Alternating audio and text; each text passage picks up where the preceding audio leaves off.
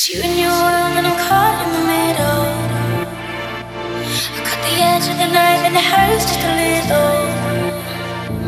Yeah, I know.